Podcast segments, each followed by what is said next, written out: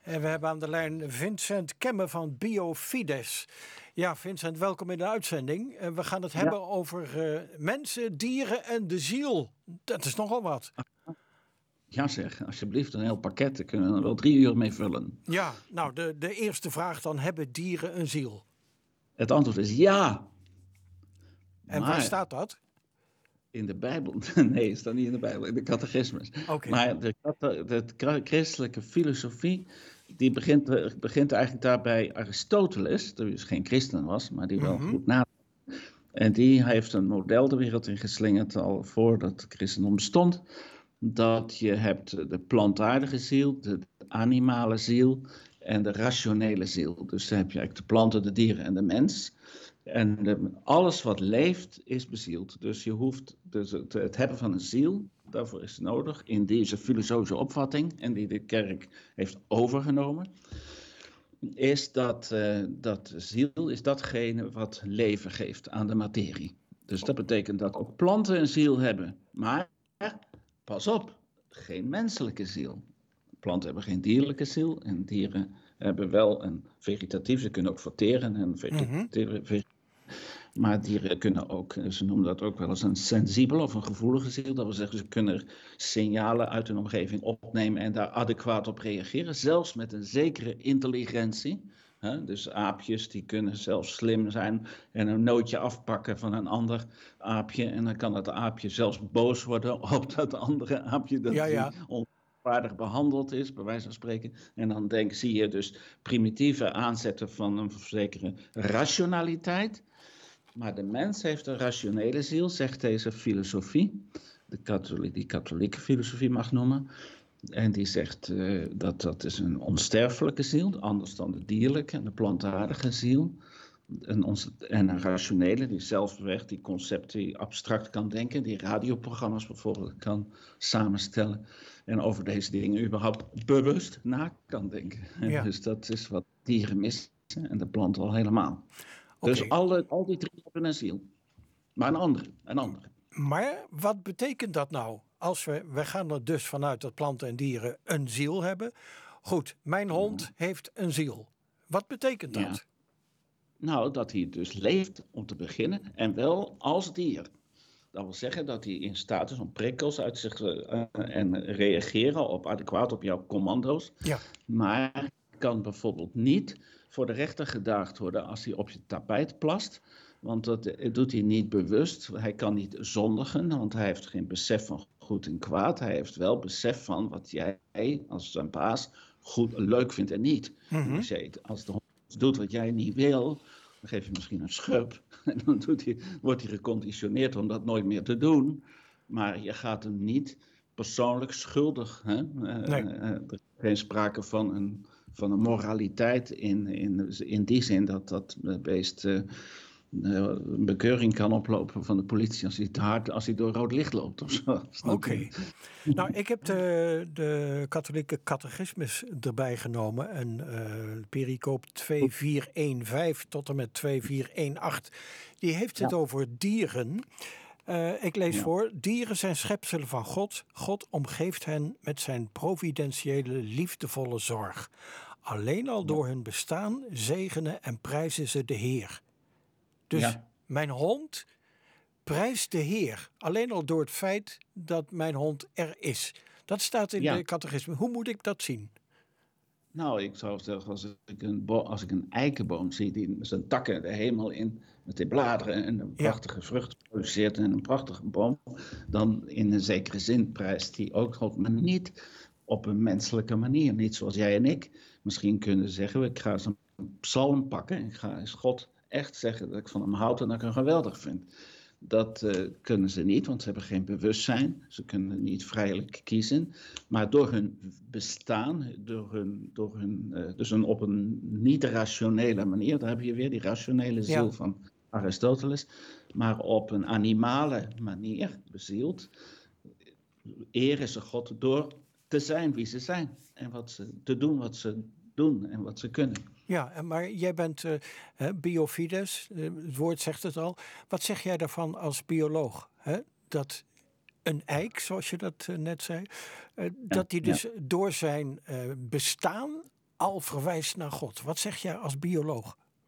Nou, ik, dus als ik zie hoe die bomen in elkaar zitten, hoe ze daar bijvoorbeeld de, alleen al de wortelsappen tot in de, in, de, in de toppen van de takken komen en hoe dat eh, allemaal werkt, hoe die vruchtenvorming is, dan zeg ik ja, dit is zo ingenieus, dit is al zo uh, goed over nagedacht, tussen aanhalingstekens, wie het ook gedaan heeft. Ja. Dat je zou bijna gaan denken dat God bestaat en dat ze geschapen zijn. En als het dat zo is, dan is hun zijn voldoende om God te eren. En dat is eigenlijk wat de catechismus wil zeggen.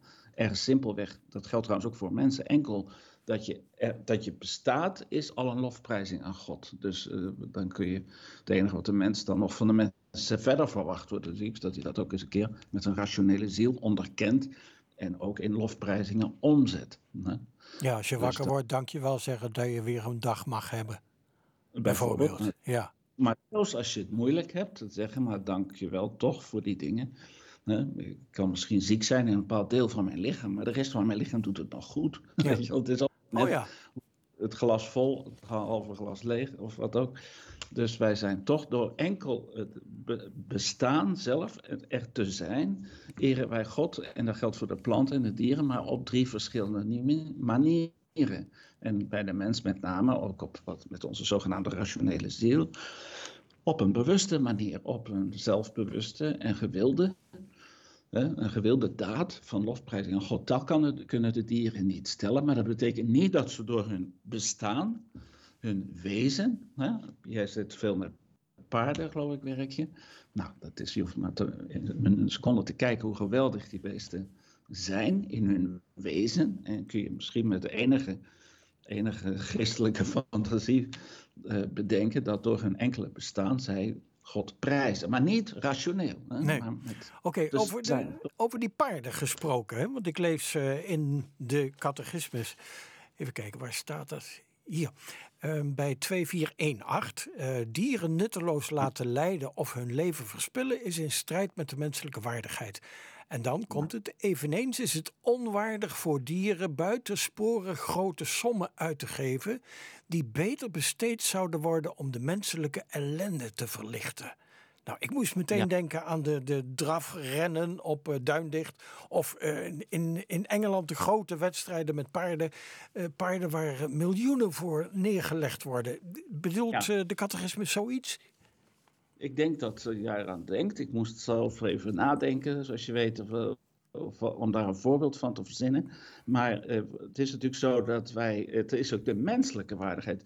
Kijk, als ik een renpaard heel goed voed, behandel, ja. goed, dat beest heeft een goed leven. Ja, moet af en toe wel rennen, maar ja. dat vindt dat beest eigenlijk helemaal geen probleem. En zelfs op zijn hardst, hè, prima. Er wordt medisch goed verzorgd, dus eigenlijk gaat dat niet per se in tegen de dierlijke waardigheid maar wel tegen de menselijke waardigheid. De menselijke waardigheid die geroepen is om zijn middelen, zijn geld bijvoorbeeld, op een manier te steden die aan de menselijke waardigheid voldoet. En als wij de dieren zo hoog in het vaandel zetten, zo hoog op een zo'n hoog platform, dat het bijna afgoderij wordt, dat het bijna dat het ons afleidt van. Dus disproportioneel is het woord dat in mijn hoofd opkomt. Je kunt over onevenredig veel, uh, irrationeel, veel geld en aandacht en tijd en energie besteden aan het een of het ander. Of dat nou voetbal is of paardensport of, of wat dan ook. dat, uh, dat je zegt, ja, maar dit is niet proportioneel. Nee. Dus dat, dat, gaat in tegen, niet tegen de, per se tegen de waardigheid van het dier. Dat ligt eraan hoe die behandeld wordt. Maar tegen onze waardigheid. Hoe gaan wij om met dieren? Welke plaats krijgen ze in ons leven? Nou, die mag beslist niet te laag zijn. Wij mogen geen minachting voor dieren hebben, geen misbruik maken van dieren. We hebben dus een grote, de, wij, zijn, wij zijn heersers over de schepping, maar dat is een gedelegeerd heerschappij, zoals dat een artikel dat ik las in een Frans tijdschrift, dat zegt. God, wij willen het goede voor de dieren, maar we gaan de dieren niet uh, of op een te laag niveau zetten, als zo van doe er maar mee, raak mee wat je wil, uh, buit ze maar uit voor weet ik wat voor dingen, maar ook niet op een te hoog niveau dat ons hele bestaan gecentreerd zou zijn. Al ons geld dat we ook anders zouden kunnen besteden, investeren in bijvoorbeeld uh, de excessen in de paardensport. Ik ben niet tegen paardensport, daar zou ik niet tegen zijn. Oké. Goed, hm? duidelijk. Nou, jij, uh, jij, noemt dat artikel, daar staat ook iets in over uh, de heilige Augustinus. Die legt uit dat de erfzonde de oerharmonie verbrak die niet alleen bestond tussen mens en God, maar ook tussen ja. mensen onderling, tussen man en vrouw, en nou komt het, en tussen mens en dier. Ja. Wat is de consequentie daarvan?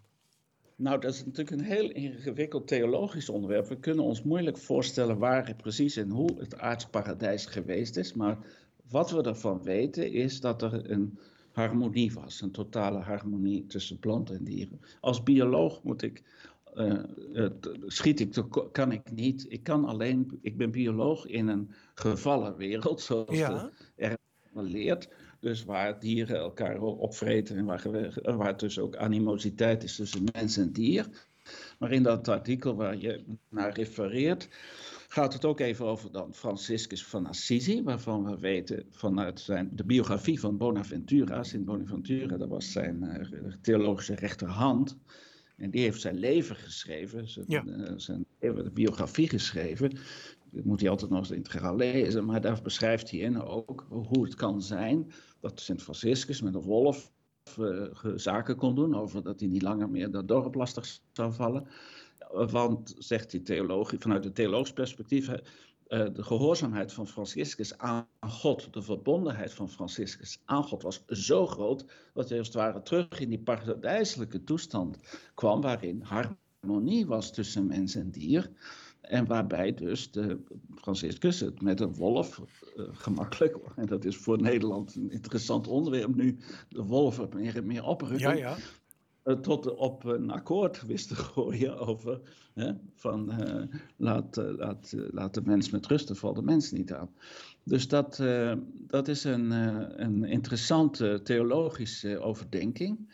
Dat het, het paradijselijke, dat er ooit geweest moet zijn, hoe dan ook. Ik, ik, weet ook niet precies hoe ik dat moet begrijpen en verstaan. Dat is een, uh, we, hebben daar, we, we, leven in een andere realiteit met disharmonie in de natuur en in de schepping en in de relaties tussen mensen.